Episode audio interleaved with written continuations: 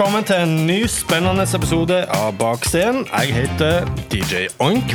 Og jeg er Grand Uncle P. Vi er klare til å ta deg med bak kulissene og de tomme veggene. Dykke ned i spennende historier og underholde deg i hele sendinga. Og I dag har vi en fantastisk episode på menyen for nettopp deg. Vi serverer deg Pauls eh, vitsehjørne, hvor vi, ja, du kan komme til å flire til du griner, rett og slett. Og Grand Uncle P, har du en vits å dele? Eh, selvfølgelig, Oink. Eh, hva sa den ene veggen til den andre veggen? Jeg støtter deg uansett. Ja, og det var jo en god en, eh, Uncle Men vi har også et eksklusivt intervju med den talentfulle forfatteren og journalisten Bjørn Olav Jahr. Ja, det blir ikke alt. Vi har jo tatt turen til det spennende prosjektet som aldri ble noe, Forundringsparken. Men ingen grunn til å bli skuffa, for vi har alltid en god tid sammen, ikke sant, Oink? Absolutt, P. Eh, Vi lærer av våre erfaringer, selv om det noen ganger går eh, Så går ikke ting eh, helt som planlagt, og vi har, vi har jo alltid våre trofaste lyttere. Som støtter dere uansett. Ja, ja, ja, helt riktig. Og nå, uten videre, la dere hoppe inn i dagens episode. La oss komme i gang. Kjører vi!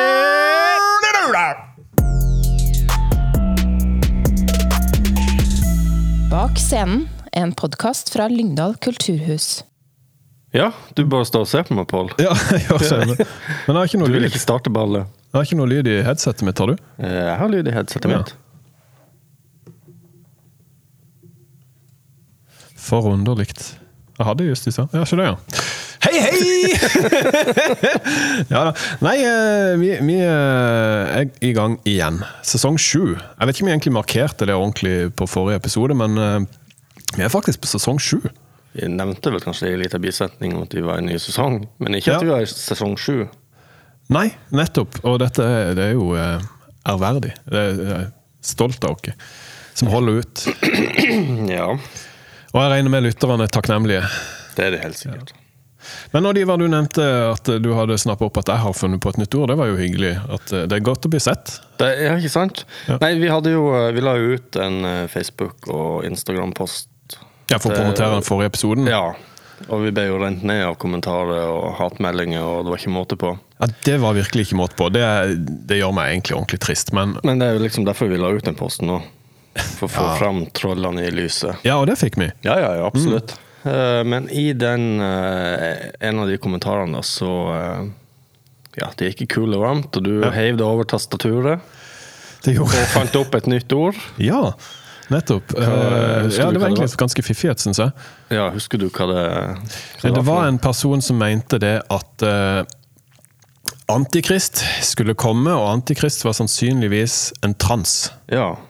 Og da slo du, du to fluer i et smekk. Da smalt det fra forsord. Ja, mener du transikrist?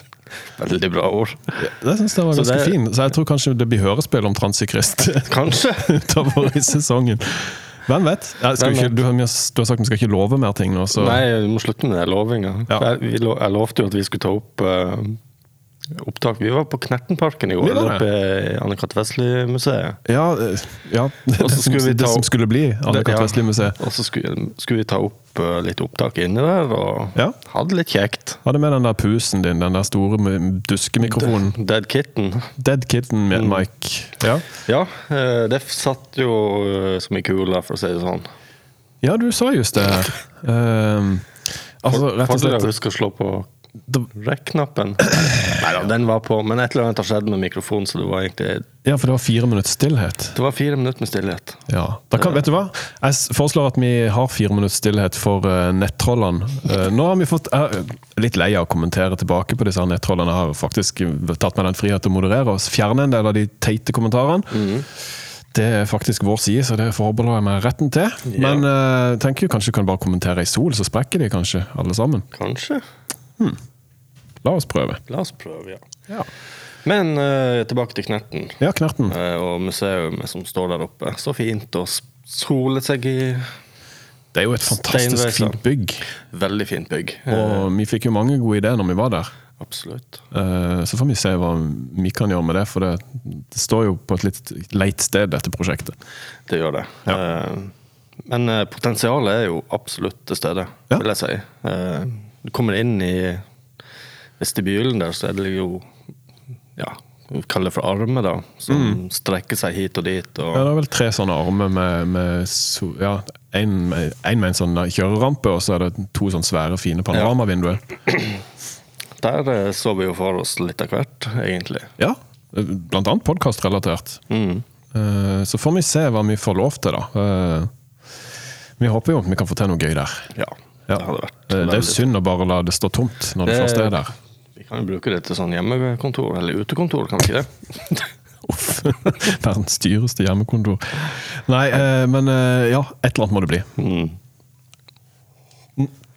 Og Nå sitter, står vi jo her i studio da og venter på eh, melding fra Bjørn Olav Jahr, for vi skal rett og slett eh, få intervjue han i dag. Ja, han var litt uh, business. Skulle, skulle han levere noen unger, var det han sa? Det, det var noen som skulle hente han, og så skulle han holde noen foredrag og noe greier. Uh, og det er jo derfor vi skal snakke med han òg, for han kommer til Lyngdal og skal holde foredraget sitt her. Uh, jeg husker ikke hvilken dato det er i farten, men det finner vi ut. Ikke så lenge til. Men vi skal i hvert fall introdusere Bjørn Olav Jahr litt mer nærmere når han, han ringer. Det skal vi gjøre. Mm. Det blir stas. Han er en eh, meget kunnskapsrik mann, og eh, han har jo virkelig dypdykka i bl.a. Birgitte Tengs og Baneheia-saken. Så det skal bli spennende å høre mer om. Og Birgitte Tengs-saken er jo faktisk akkurat nå mens vi prater, så er det jo en rettssak på gang der. Det er det. Og det er vel kanskje Bjørn Olav som har fått eh, den som er sikta der, til å sitte i den stolen han sitter. Nå er det. Det må vi jo spørre om. Ja. Du hører på podkasten Bak scenen, en podkast fra Lyngdal kulturhus. Ja, kjære lyttere, en oppfordring til dere, da. Um, er det noen som har lyst at vi skal komme og spille inn uh, hos uh, de? På arbeidsplassen, f.eks.? Um, Hjemme i stua. hjemme i stua? På Østerloftet? på hytta? I sjøbua? Det må være i arbeidstida, selvfølgelig, for vi er jo eh, ryddige sånn sett. Vi er jo kommunalt ansatt. Ja. Mm. Så eh, ta kontakt, da. Eh, send dere en melding på Instagram eller Facebook, eller vi har jo en e-post òg. Ja. Det renner jo inn på, på, Podcast at uh, Ja, der kan du sende elektron, elektrotelegram til dere. Ja. Så det vil vi gjerne ha. Nei, Det hadde vært kjempekult om noen ville invitert dere. Så eh, vi står her og venter. Vi er jo to gilde gutter. Ganske gilde gutter. Ja. Det er vi. Eh, Så inviter dere. Bli gjerne med i podkasten òg. Absolutt. Ja. Kunne vært kult. Kanskje vi kunne spilt inn på Alcoa, i smø- produksjonshallen der. Sikkert Ja. sabla fine forhold. Det er det helt sikkert. Nei, men send dere henvendelse. Det hadde vært eh, kjempegøy. Det har vi lyst til. Så kommer vi. Ja, ja, vi kommer. Vi er jo batteri. God stil, bra deal. Stilsikkert alibi. Alltid god tid, rett i. Det er vår teori. Send oss en e-post til podkast.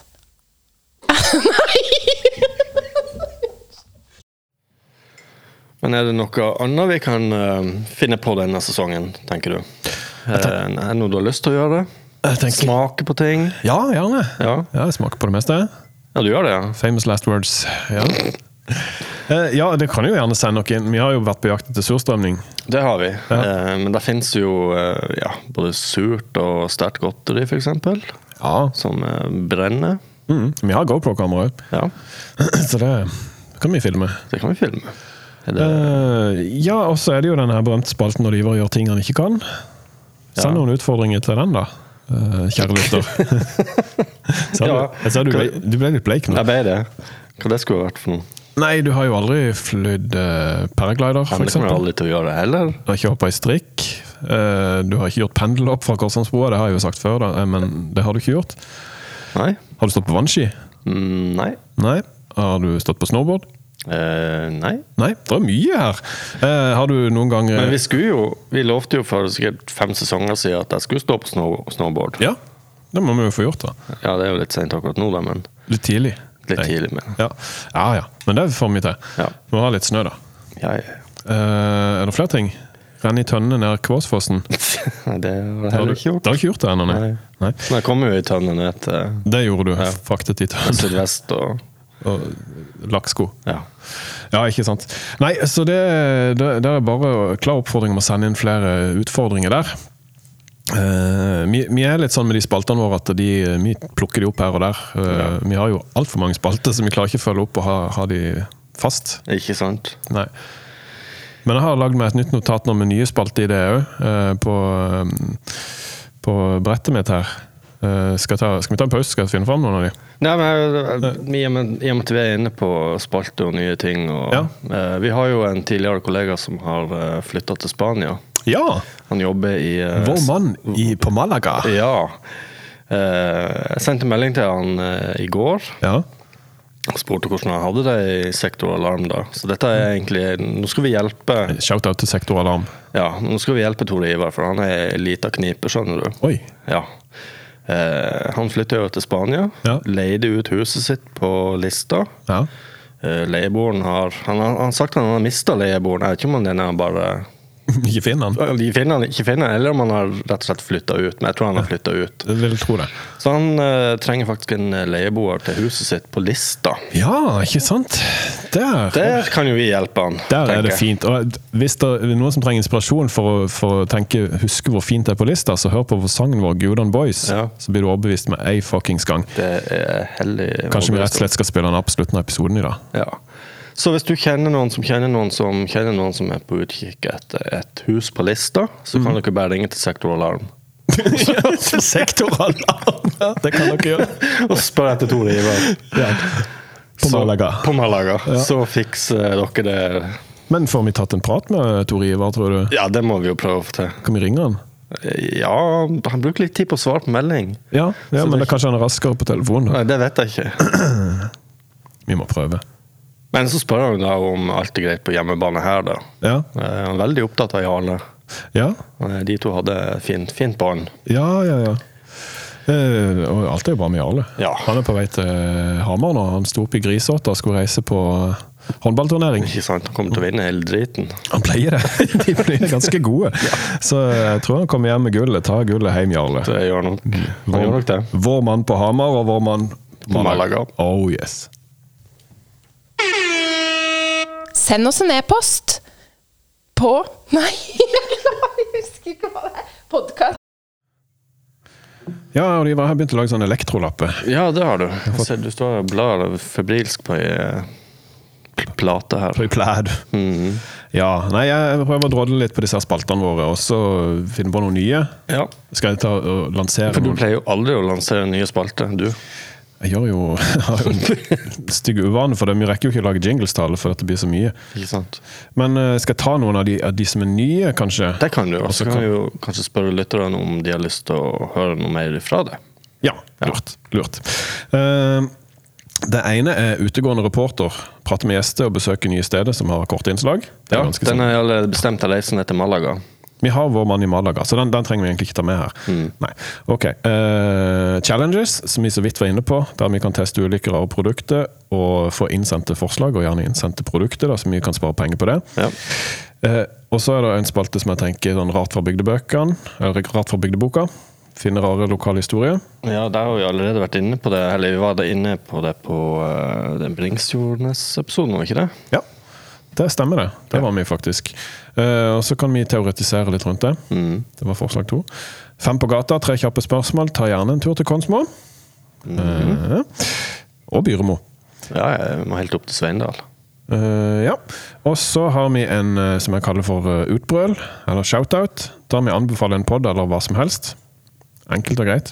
Ganske korte, noen av disse spaltene. Og så har vi en som er plutselig intervju. Eh, Jeg tenker fem kjappe spørsmål fra ChatGPT til en random person. Og så en som er kalt for kulturell konspirasjon. Hvorfor skjer dette på Kulturhuset? Der vi tar utgangspunkt i faktiske hendelser. Der skjer jo faktisk en del ting på det huset her som eh, Det gjør det. Om det spøker eller hva det er som er galt, det vet jeg ikke. Nei, Og så har jeg en siste. Ja. Uh, hold den tanken. Uh, Lyngdal Legends, der vi inviterer lokale personligheter til en uformell kaffeprat og har spørsmål om Lyngdal. ja. Det var de forslagene. Det Hvis dere ikke husker de, så må dere bare høre episoden mange ganger, så får dere det med dere. Så kan dere stemme på den eller de som dere vil at vi skal se nærmere på. Og kan ikke vi lage en poll? Det kan vi gjøre. Ja, vi lager en poll. Det gjør vi. Eh, vi lager en poll, Pål lager en poll. ja, Ja. på Facebook. Ja, Håper ikke du er pollenallergiker. ja, blir det gøyere nå? Ja da. Nei, så det var det. Eh, men du sier det spøker litt på Kulturhuset, Oliver. Det gjør det. Det har vel vært uh, ymse vaskepersonell opp gjennom òg som har ment det. Mm. Eh, men har du sjøl opplevd det? Jeg har ikke opplevd det sjøl. Nei, ikke svevende kaffekopper og Nei, nei, nei, ikke noe dør som smeller igjen. Og Nei. Men det ble jo lagd en skrekkfilm i sin tid. det gjorde det. Uh, Ariel Låserunden. Låserunden. Den ligger på YouTube, forresten. Ja, Ligger den åpent på Ja, YouTube? ja, ja. kan du, er det bare gu Det er bare å google Låserunden, så kommer den opp på første treff. Heter det Google når du er på YouTube? Kanskje heter det YouTube? YouTube? Eller bare Tube. Tube, selvfølgelig, heter det. Eh, Du kan tube Låserunden, og så finner du den legendariske filmen Låserunden. Den er ganske creepy, altså. Den er det. Så hvis ikke du trodde at det spøkte på Kulturhuset, så, så tenker du den er nok litt godt om etter du har sett den. Ja, og Grunnen til at den heter Låserunden, er jo at eh, etter at kinoen er ferdig på kvelden, så skal jo de ansatte ta låserunden og sjekke dører i ja, alle dører. Og da er det jo selvfølgelig noe som skjer. Ja. Det er noe med å være helt alene på et stort hus. Det er det. det er, Sent på kveld. på kvelden, og kanskje du har vist uh, Skrik 4 på kinoen. og eller The Nun 2. The Nun 2. Uh, det kom på kino, forresten. Denne, I denne tida. Ja, just på denne tida. Just på denne tida. Ja. Men uh, vi er veldig, veldig som vi maste litt om nå, vi er veldig veldig eh, interessert i at dere skal ta kontakt med oss. Uh, dere som, vi vil vite litt mer om dere som hører på. Ja. Du, vi kan jo bare Erlend Høgli. Ja, hei, Erlend. Du hører på podkasten, det vet jeg. Vi skylder en plante. Vi skylder en plante. eh, Vi men, har ikke glemt det. men hvis du sender inn et ønske om spalte, Ja. så skal vi rett og slett eh, gå fra plastikkplante til en ordentlig plante. Med frø. Med frø, ja. Ok. Ja. Jeg har en stikling hjemme som du kan få. Uh, det, det, det er jo det som er problemet. Han må ha det ferdig. Ja, men bare, jeg kan putte den i jorda òg. Oh, ja, ok. Ja, ja, i potte og alt. Går du og vanner nå? Ja, ja, ja. Du bare si hvor du bor, Erlend. Han bor på toppen der oppe, vet du. Å ja, der ja. Just bak med, med fetteren. Ja. Ja. Det var de som hadde, hadde hund før. Nei, det vet jeg ikke. Det var den som ble påkjørt, tror jeg. Var ikke det? Jeg har ikke peiling. Nei. Det var Erlend som kjørte på han. Sikkert. Med scooteren. Med scooteren. Erlend. Ja, nei, eh, skal vi snakke litt mer om Erlend? Når du først var inne på det. Veldig gild eh, mann. Ja. Jobber på kasserien. Ja, det er han som er mekaniker, ikke Det det? er han skrur og skrur og skrur. Ja. Det er ikke noe skruløs på den guden. Nei, det skal være sikkert. Der sitter alt fast. Ja, ja, ja. Ja, men det er bra. Og så jobber han med en annen kollega av oss. Ja, Carl Kvelland. ja Carl, ja. Ja, ja. Norges I hvert fall Lyngdals mest beleste mann. Ja, det Eller lydhørte mann. Ja, han hører lydbok opp og ned og i ending. Jeg vet ikke om jeg gjør, men han hører altså så vanvittig med bøker at Mm. jeg, tror ikke, jeg tror ikke det er noen som kan nå han til knærne. Jobber på eh, Rocky òg. Eller Ja. Romskipet. Der har han jobba siden jeg sjøl var gjest på Rocky. Jeg husker Carl kom med, med motorsykkelen sin med et helsikes anlegg på. og spilte, spilte høy musikk. Ja, ja. Det var noen svære høyttalere i den motorsykkelen til Carl. Eh, er Lurer på om Carl har den ennå. Helt sikkert. Carl, hører du på denne podkasten, eller er det bare lydbok? Er det, er det bare noe du sier? Ja, Har han sagt at han gjør det? Nei, for det, Carl, hvis du hører på, send nok en melding. Vi vil gjerne vite det. Eller så kan du ta det opp neste gang du kommer innom i lunsjen. Ja, det kan du gjøre. Veldig koselig. Ja, er det noen flere som jobber på karosserien? Det er det jo helt sikkert. Ja, det er jo Det er ikke- det er ikke bare de to. Nei, Erlend og Karl, det hadde jo blitt eh, Det hadde jo gått treigt. Nei, ja, de er kjappe, de, da. Ja, de er kjappe. Men eh, kanskje vi har noen til å ta imot kundene? Ja. Nei, eh, kanskje Karosserien? Kan ikke dere invitere dere ned, da? Kan godt spille inn en episode der. De har jo eh, sånn pauserom når du kommer inn døra der. Ja, Med ja. ka samme kaffemaskin som vi har på huset her. Ja. Så vi kommer til å føle oss hjemme med en gang. de har et fint uh, lokale på toppen der òg, med masse fint furupanel, så vidt jeg husker. Ja. Ja da, flott. God gammel butikk. Jeg har sett noen butikk. snap fra den trappa når du går opp der. Ja. Ganske bratt, tror jeg. Tror du de òg har låserunden? Ja, det er helt sikkert. Må ikke alle ha det? Men de har sikkert ikke noen egen film om det. Nei, det har de ikke. Garantert ikke. Nei. Det er jo et mesterverk. Det er det. Det er noe Areal kan, kan være stolt av til, til sin siste dag. Ja. Nei, er det noe mer vi vil gjøre josse om? Eh, nei, nå er jeg veldig Skal spent du ut på tur? Om jeg skal på tur? Ja.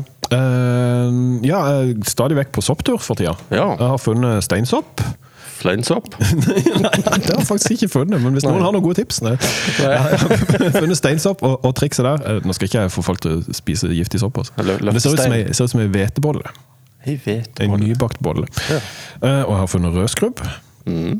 Og jeg har funnet gul trompetsopp. Gul trompetsopp. Så det skal jeg faktisk eh, hive i meg i kveld, tenkte jeg. Okay. Ja.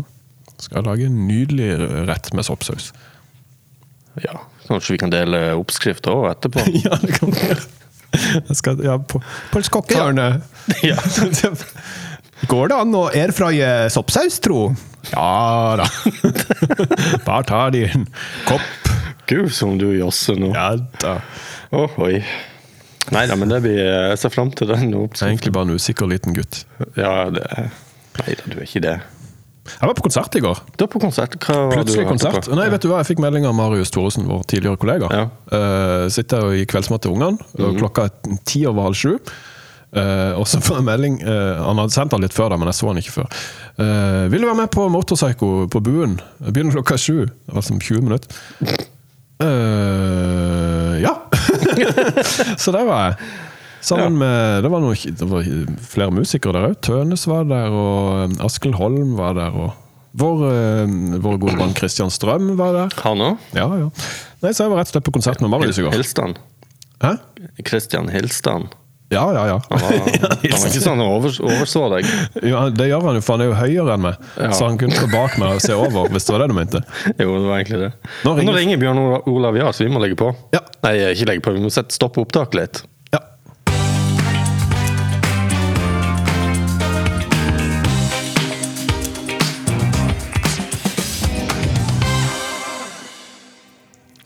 Ja. Vi har vært så heldige å få med oss eh, Bjørn Olav Jahr. Han er en norsk forfatter og journalist, utdannet samfunnsøkonom, eh, og har arbeidet, som journalist for Kapital i Dagbladet og Memo. Og han har for øvrig nettopp vunnet Fritz Ord sin eh, ærespris. Bjørn Olav, kan ikke du si litt om den prisen?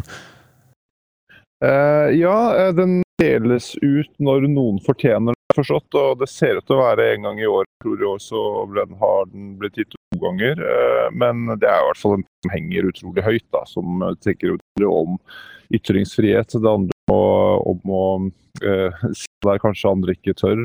Utfordre til sannheter. og eh, ja, så det er, det, er, det, er, det, er veldig, det er veldig stor ære å få den prisen. Jeg er veldig glad for det. Ja, gratulerer. Eh, Tusen.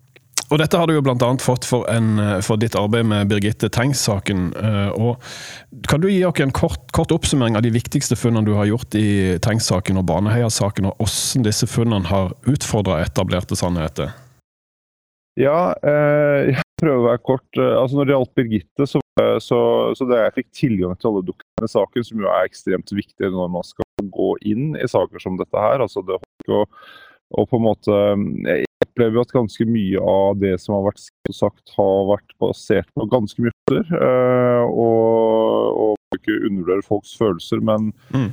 fakta jeg hele tiden leter etter. Eh, og da jeg begynte å se på, begynte å gå inn i Birgitte Tengs dokumentasjon, så, så, så forsto jeg jo veldig godt at datteren til Birgitte Tengs aldri hadde hatt noe med drapet på kusinen sin å gjøre.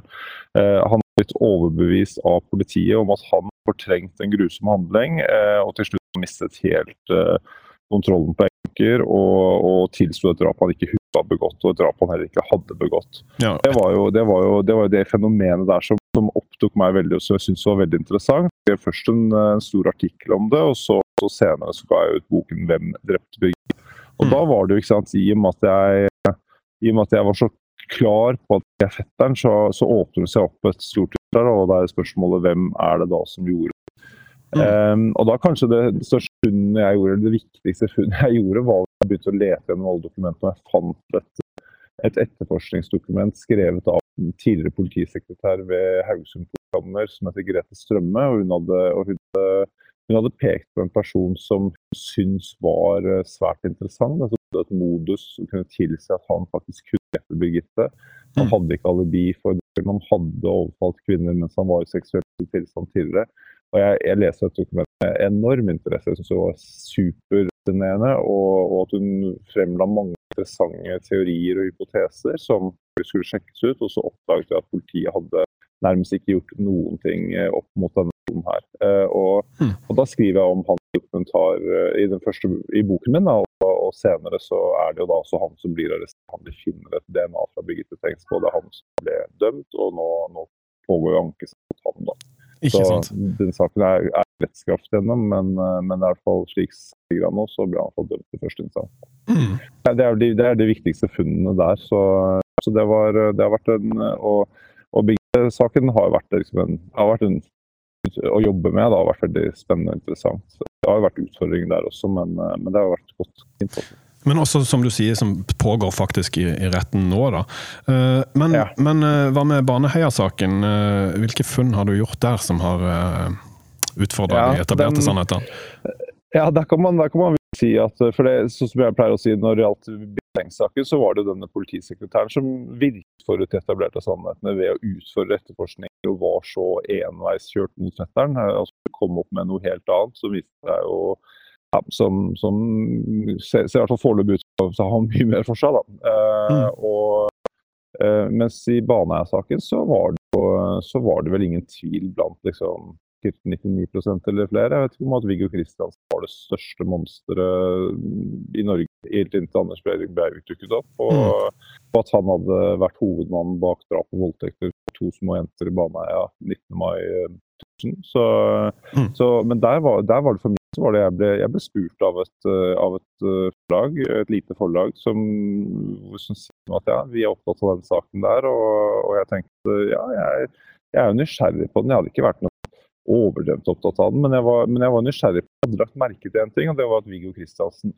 alltid hevdet at han var uskyldig. Og så tenker jeg, så, så da til meg stille liksom et ganske åpenbart spørsmål om han snakker sant. Eh, og, det er sånn, og det er viktig å kunne gå inn og undersøke. Det kunne jo vise at han er usant. Det er mange, Mm. mange forbrytere som ikke er sant. Eh, men eh, men hvis han hadde et poeng, da, så, så ville jo det være sensasjonelt. Og, og Da fikk jeg igjen tilgang til alle dokumentene i saken, og Mm. da ser jeg jo dette, dette svært sentrale i saken, nemlig at han har mobiltrafikk som pågår et annet sted enn åstedet mens ugjerningene finner sted. Ja, så dette Eh, og- og telefonsporet det- Ja, dette, ja, det var helt sånn for meg så var det Jeg er veldig glad i logikk, så jeg tenker sånn, for meg så var det helt sånn helt ulogisk at liksom, men i alle dager, hvorfor blir han ikke frifunnet på dette, da? Liksom det, han kunne, kan ikke bli dømt uh, når, de har, når dette her ligger i saken. Mm. Men så begynner jeg å kikke nærmere inn på at det, at det er et premiss eh, for dommen at, det, at man har sikre resultater for at det er DNA for to personer. og Da er spørsmålet liksom, hvis ikke det er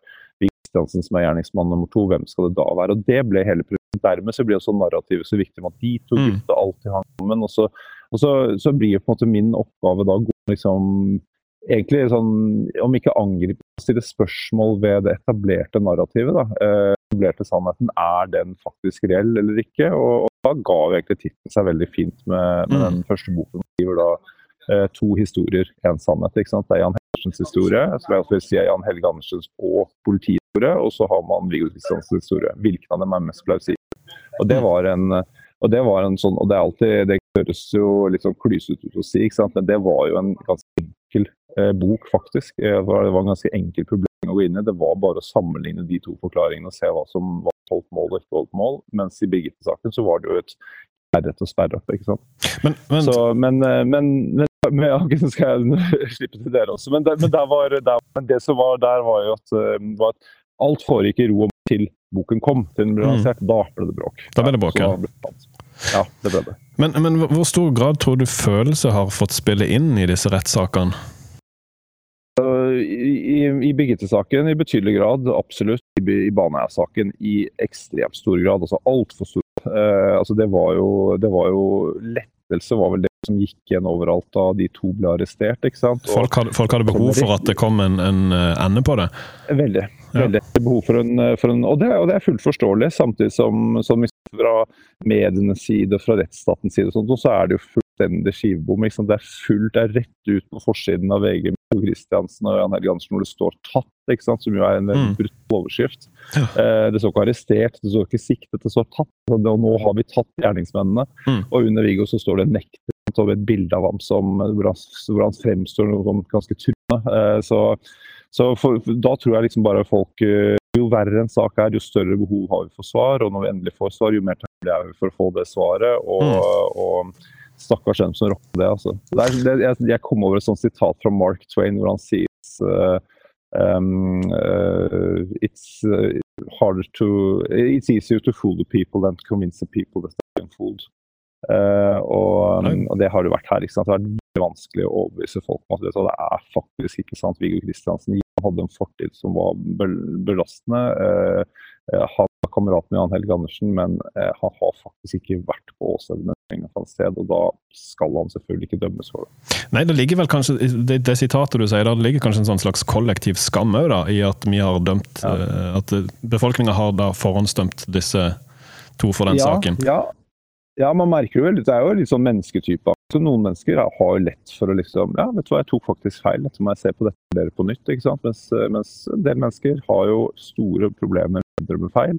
Eh, og man vil jo gjerne at Og man vil også at eh, rettsstaten Norge skal fungere. Det er så mm. fælt. ikke sant? Det var en journalist på VG som sa til meg etter at jeg hadde vært i en sånn debatt på, på sånn presseseminar i 2018, så sa hun til meg at og jeg håper så inderlig at du tar feil, for det er forferdelig hvis du har rett. Um, og, og, jeg skjønner jo. Mm. Men, eh, men, eh, det er jo da enda viktigere at man faktisk tør å utfordre det er de etablerte sannhetene. Men vi må inn på dette med DNA for det har jo spilt en, en stor rolle i Baneheia-saken. Kan, kan, du si litt om de DNA-funnene som ble gjort i Baneheia-saken, og, og, hvordan det på en måte har endra seg med ja, ny teknologi? Nei, ja, ja, og egentlig så er, så er, det kanskje ikke nødvendigvis ny teknologi. Det er bare som måten man tolker for det, er det som var, var at man hadde, man hadde noen ørsmå fragmenter av DNA eh, som på ingen måte skal være tilstrekkelig å legge frem i noen rettssak. Altså, eh, I land vi liker å sammenligne oss med, så ville ikke de, de få køene som fantes, som kunne tilhøre 54 av norsk mannlig befolkning f.eks., det ville jo ikke bli, det ville ikke bli lagt frem. Mens, mens, her ble det lagt frem som at nå har DNA-bevis som med 100% sikkerhet knytter Viggo Kristiansen til åstedet av drapshandlingen. Det var jo overskriften i avisene da det var pressekonferanse fra politiets side. Mm. Så ble det moderert. ikke sant? Nei, nei, vi kan ikke vite at det sikkert er Viggo, men det er helt sikkert at det har vært DNA fra to personer. Eh, men så går det noen år, og så kommer advokat Sigurd Klomsæt inn, for Viggo Kristiansen jobber med oppdagelse, og, og, ser da at, og får tak i noen DNA-sakkyndige som sier at vet du hva, det går ikke si at det, er, eh, at det er DNA fra to personer her. Det, er jo, det premisset holder ikke. Det, er liksom, det, er bare, det kan du bare vrake. Mm. Eh, og det har jo andre vraket senere også. Og så har man jo gjort undersøkelser av det, av det materialet man har, biologisk materiale man har sittet med. Og så har man funnet masse DNA fra Jan Helge Andersen på svært kompromitterende steder på begge jentene. Og mm. ingen Viggo Kristiansen. Og det kunne man klart å finne ut for lenge siden. Så, så det har bare vært, det har vært uvilje. Det er ikke, det er ikke ny DNA-teknologi som har løst saken. Det er, det er en omsider vilje til å se på det materialet man har sittet på fra før. Ja, for Viggo Kristiansen har jo begjært uh, saken gjenopptatt flere ganger. Absolutt, han har gjort det han har kunnet. Og, og den, skulle vært, den skulle så åpenbart vært gjennomtatt i 2010, og den skulle vært gjennomtatt i 2011. Altså det, det, det, det, har vært, det har vært katastrofe at den ikke har vært gjennomtatt tidligere. Han har, han har sittet 10-11 år på overtid. Ja, sant. Men hvordan tror du ditt eh, arbeid har påvirka rettssystemet eller offentlig eh, oppfatning av disse sakene? Spesielt med tanke på de endringene i etterforskninga som, som, kom, eh, eller rettsprosessen? Da? Ja, jeg tror, jeg tror, i all ubeskjedenhet at, at, begge mine bøker, og, og senere var jeg også med å lage en dokumentarserie om Birgitte, som, som kanskje i større, større, større grad renvasket fetteren, men jeg tror begge mine bøker, min, min første Baneheia-bok og min bok om Birgitte Tengs-saken, var viktige. Jeg vet at Kripos sin cold case-avdeling var den første eh, Birgitte det var første drapssaken de tok tak i, var Birgitte-saken. Og jeg vet jo, der har jeg snakket med folk der som sier at boken min var til stor nytte for dem. Mm. Eh, når det gjaldt Baneheia, så, så, tenker jeg at uh, så, så, er jeg ganske sikker på at den har hatt stor betydning. Fordi, fordi uh, sist gang Viggo Kristiansen leverte en gjenopptakelsesbegjæring før boken min kom, da, da ble den avslått alene alene. Altså Den ble ikke tatt opp til en vurdering. Det var sånn så ferdig snakka var vi når det gjaldt mm. Kristiansen. Ikke snakk om at vi gidder ikke engang å vurdere det. Eh, men så kom boken min, og så var det helt umulig å ikke på en måte ta og, få seriøs behandling. Mm. Og da er det jo tre av fem i gjenopptakelseskommisjonen som sier at denne her må saken må gjenopptas. Men det er faktisk to som sier inkludert lederen. Så det er liksom, det er stang inn da, eh, for Viggo mm. Kristiansen for én gangs skyld. Eh, og det skal altså det skulle ta 13 år fra de begynte å arbeide med gjenopptakelse til den første ble gjenopptatt. Og, der, og der har det hatt betydning, det er jeg helt sikker på. Mm. Uh, jeg vet at du er litt på Nå nærmer du deg den tida du har tildelt her. Så, uh, og jeg vil for øvrig trekke fram at du har podkast om dette, her, og det er veldig interessant å høre ja. på. Men hva er, ditt, ja. hva er, ditt, hovedbudskap til publikum som planlegger å komme på foredraget ditt på Lyngdal kulturhus den 26.9.?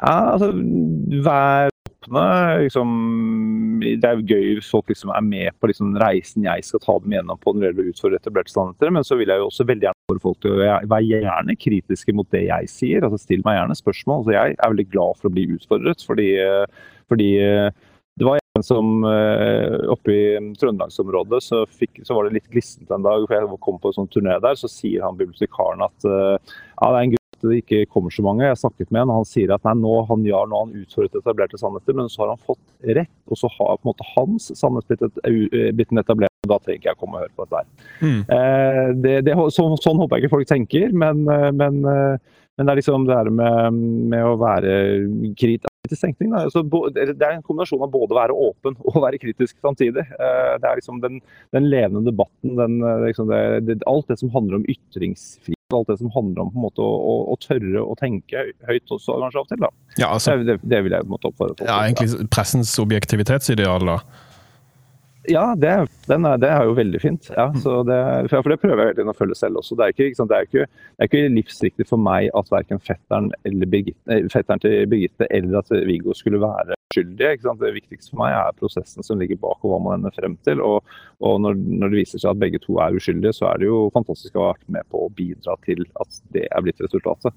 Mm. Det er jo ja, Når du har påpekt så, såpass åpenbare svakheter med, med, rettsprosessen, så må jo dette ha noe innvirkning eh, på rettsvesenet, tenker jeg. Ja, da, jeg, jeg, jeg, har forstått det sånn at uh, med advokater sånn, som sier at dommere som er kanskje mer på, litt mer på alerten og litt mer opptatt av at, uh, at ja, å, å stille, stille, spørsmål underveis. Og, ja, så det, det, det er fint hvis, hvis, jeg har bidratt til på en måte mer kritisk tenkning og, og mer, eh, at man er åpen for flere hypoteser da, enn, den, enn den, som blir på en måte lagt frem som den, som den åpenbare. Men da må jeg bare si tusen takk for at du tok deg tid, Bjørn Olav. Og vi ønsker jo hjertelig velkommen til ditt foredrag som du har kalt om å utfordre etablerte sannheter, hvordan og hvorfor. Og Vi ser fram til å følge deg med og høre hvordan dine funn og ditt arbeid vil påvirke vår forståelse av kriminalsaker i framtiden. Tusen takk for at du var med. Okay. Så fint. Ja. ja, jeg gleder meg. Takk for det. Takk fint. Ha det godt. Ha det bra.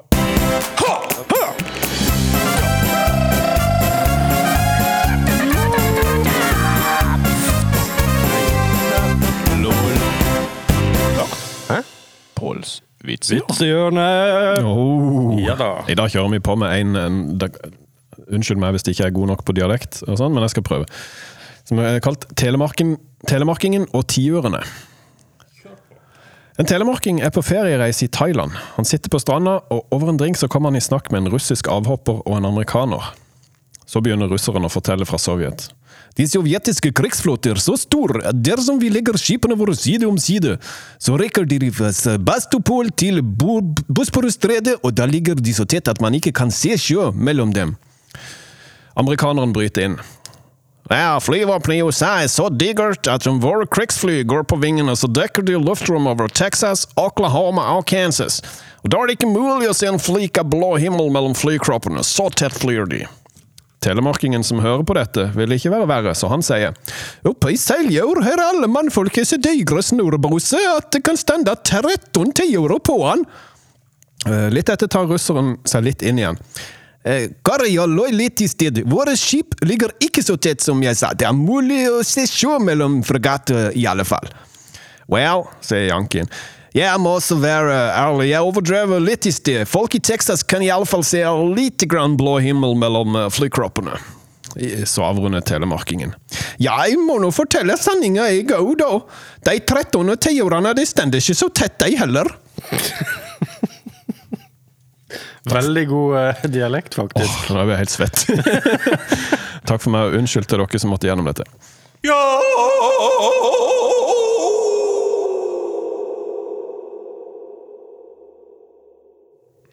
Velkommen til vår nye spalte Shoutout. Shoutout, ja. ja, ja, ja. Uh, og i dag siden Hvem er det nå du, Hva er det noe du skal rope ut? Nei, jeg liker å rope ut både det ene og det andre. Men i dag har vi prata med journalist uh, Bjørn Olav Jahr. Ja. Og forfatter, for, uh, ikke minst. Og mm. podkastskaper.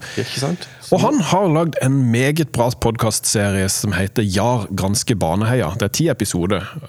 Undertittel 'Funnet som ble oversett'. Den har jeg pløyd meg gjennom. Det var en Veldig spennende podkast. Mm. Utrolig interessant. Eh, og som så mange andre så hadde nok jeg òg trodde at den saken der var opplest og vedtatt. Eh, Jeg hadde fulgt den gjennom media, som de fleste andre Tok gjorde. du feil? Ja, Viggo Kristiansen er jo i dag frikjent. Det er og godt, en, det. og en fri mann. Eh, og takk og pris at vi har folk som gjør, som tar tak i disse Det er jo betente saker, det er jo klart det er jo mye følelser involvert. Og eh, det gjør vondt for mange, det er jo fullt forståelig. Eh, men han tar i det og eh, prøver å være objektiv og nøye, og legge, som, som man sier i intervjuet, da, legge vekt på prosessen. Ja. Og prosessene som har vært. Den serien vil jeg definitivt anbefale. Og Det ligger mange podkaster med Bjørn Olav Jahr ute, men akkurat i dag trekker jeg fram den. Det var et godt uh, tips, vil jeg si. Takk for det. Noe du, noe du vil eh, brøle om? Nei, vi skal bare brøle om én ting om gang, hver gang. Ja, vi må, det er sant det. Det, Det- prøver jeg alltid å si til ungene. Dere må brøle om én ting om gangen. Ikke brøle om to. Det er ikke, ingen som får det med seg. rett forbi. Ja. Nei, da ble det ett brøl i dag, da. Ja. Men det var et bra brøl. Veldig bra brøl. Ja. Så øh, følg dere videre på reisen. Takk skal du ha. Snurr i barten. Hei, det er Torgen Andam her, og du hører på Bak scenen. Ja, Dette var det! dette var det. Nå er vi ferdige igjen. Ja, ja, ja. Nå er du kvitt dere igjen. Ikke sant. Nei, men vi kommer tilbake. Vi kommer plutselig tilbake. Ja. Og I denne episoden så har vi jo vært innom mye gøy. Forhandlingsparken Forandringsparken som ikke ble.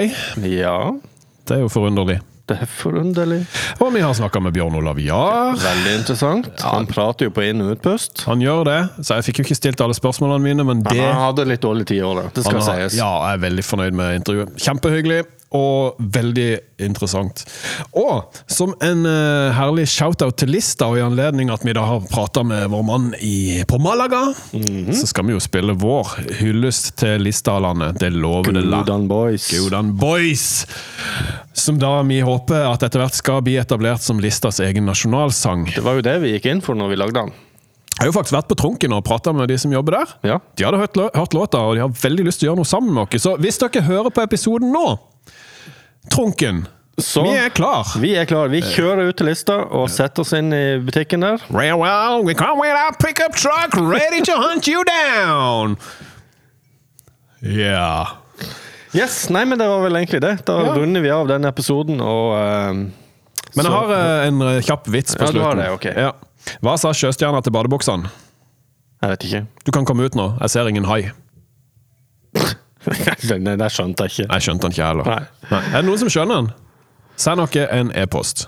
Podkast at lyngdalkulturhus.no. Takk for nå. Da, ja da, ja da, ja da, ja da. Da kommer hun inn til stående. Det er tid for Liv Grete Skjelbreid Poiré. Fem rett ned nå. Nå skal Kjell Elvis ned i parterret. Howdy ho. Kjør flat pedal på Harleyen i sløyfa Route 8. Tanken den er breddfull, og jeg am feeling pretty great. Fra lista til Uniten, vi skal alle ta på fighten, Gudan boys.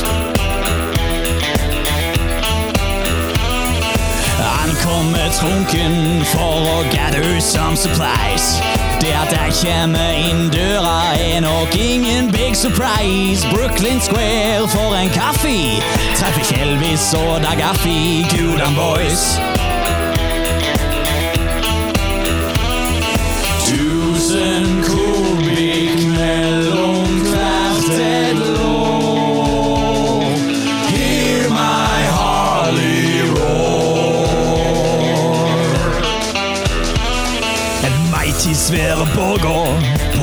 8 Avenue.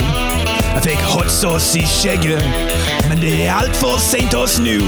Jo, til Lamakos på Gjølle, da er Kalli fin på Gjølle, Gudan boys. Med kurs forbi staven ser jeg rett på lista fyr. Med skinnbuksa og skinnvest blir en flårlegger dyr. Spiller pingpong på flystripa. Kjem med gunsmoke ut av pipa, Gudan boys.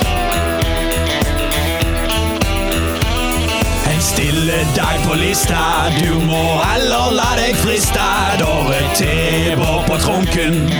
Cowboyhatt og vest, en jækla stille dag på lista.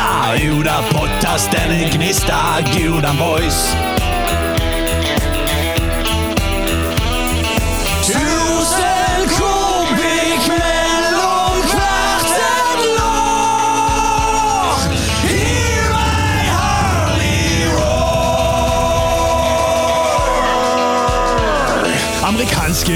Electricity plugs i annenhver vegg. Verdensrekord i hva som helst og amerikansk gulvbelegg. Inntil Kinaen i valse kjører almost som i transe. Guda boys. Nei, blir du med til lista, skal du faen meg få sjå. At Route 8 er all right, og vi skal male himmelen blå. På bacon ser du best, at på lista er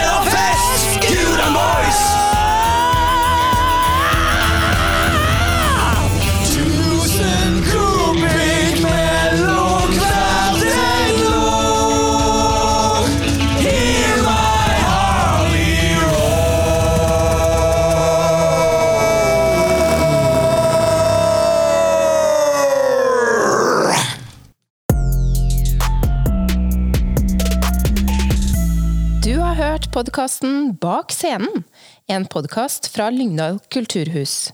Hør flere episoder på Spotify, Apple Podkast eller din foretrukne podkastavspiller.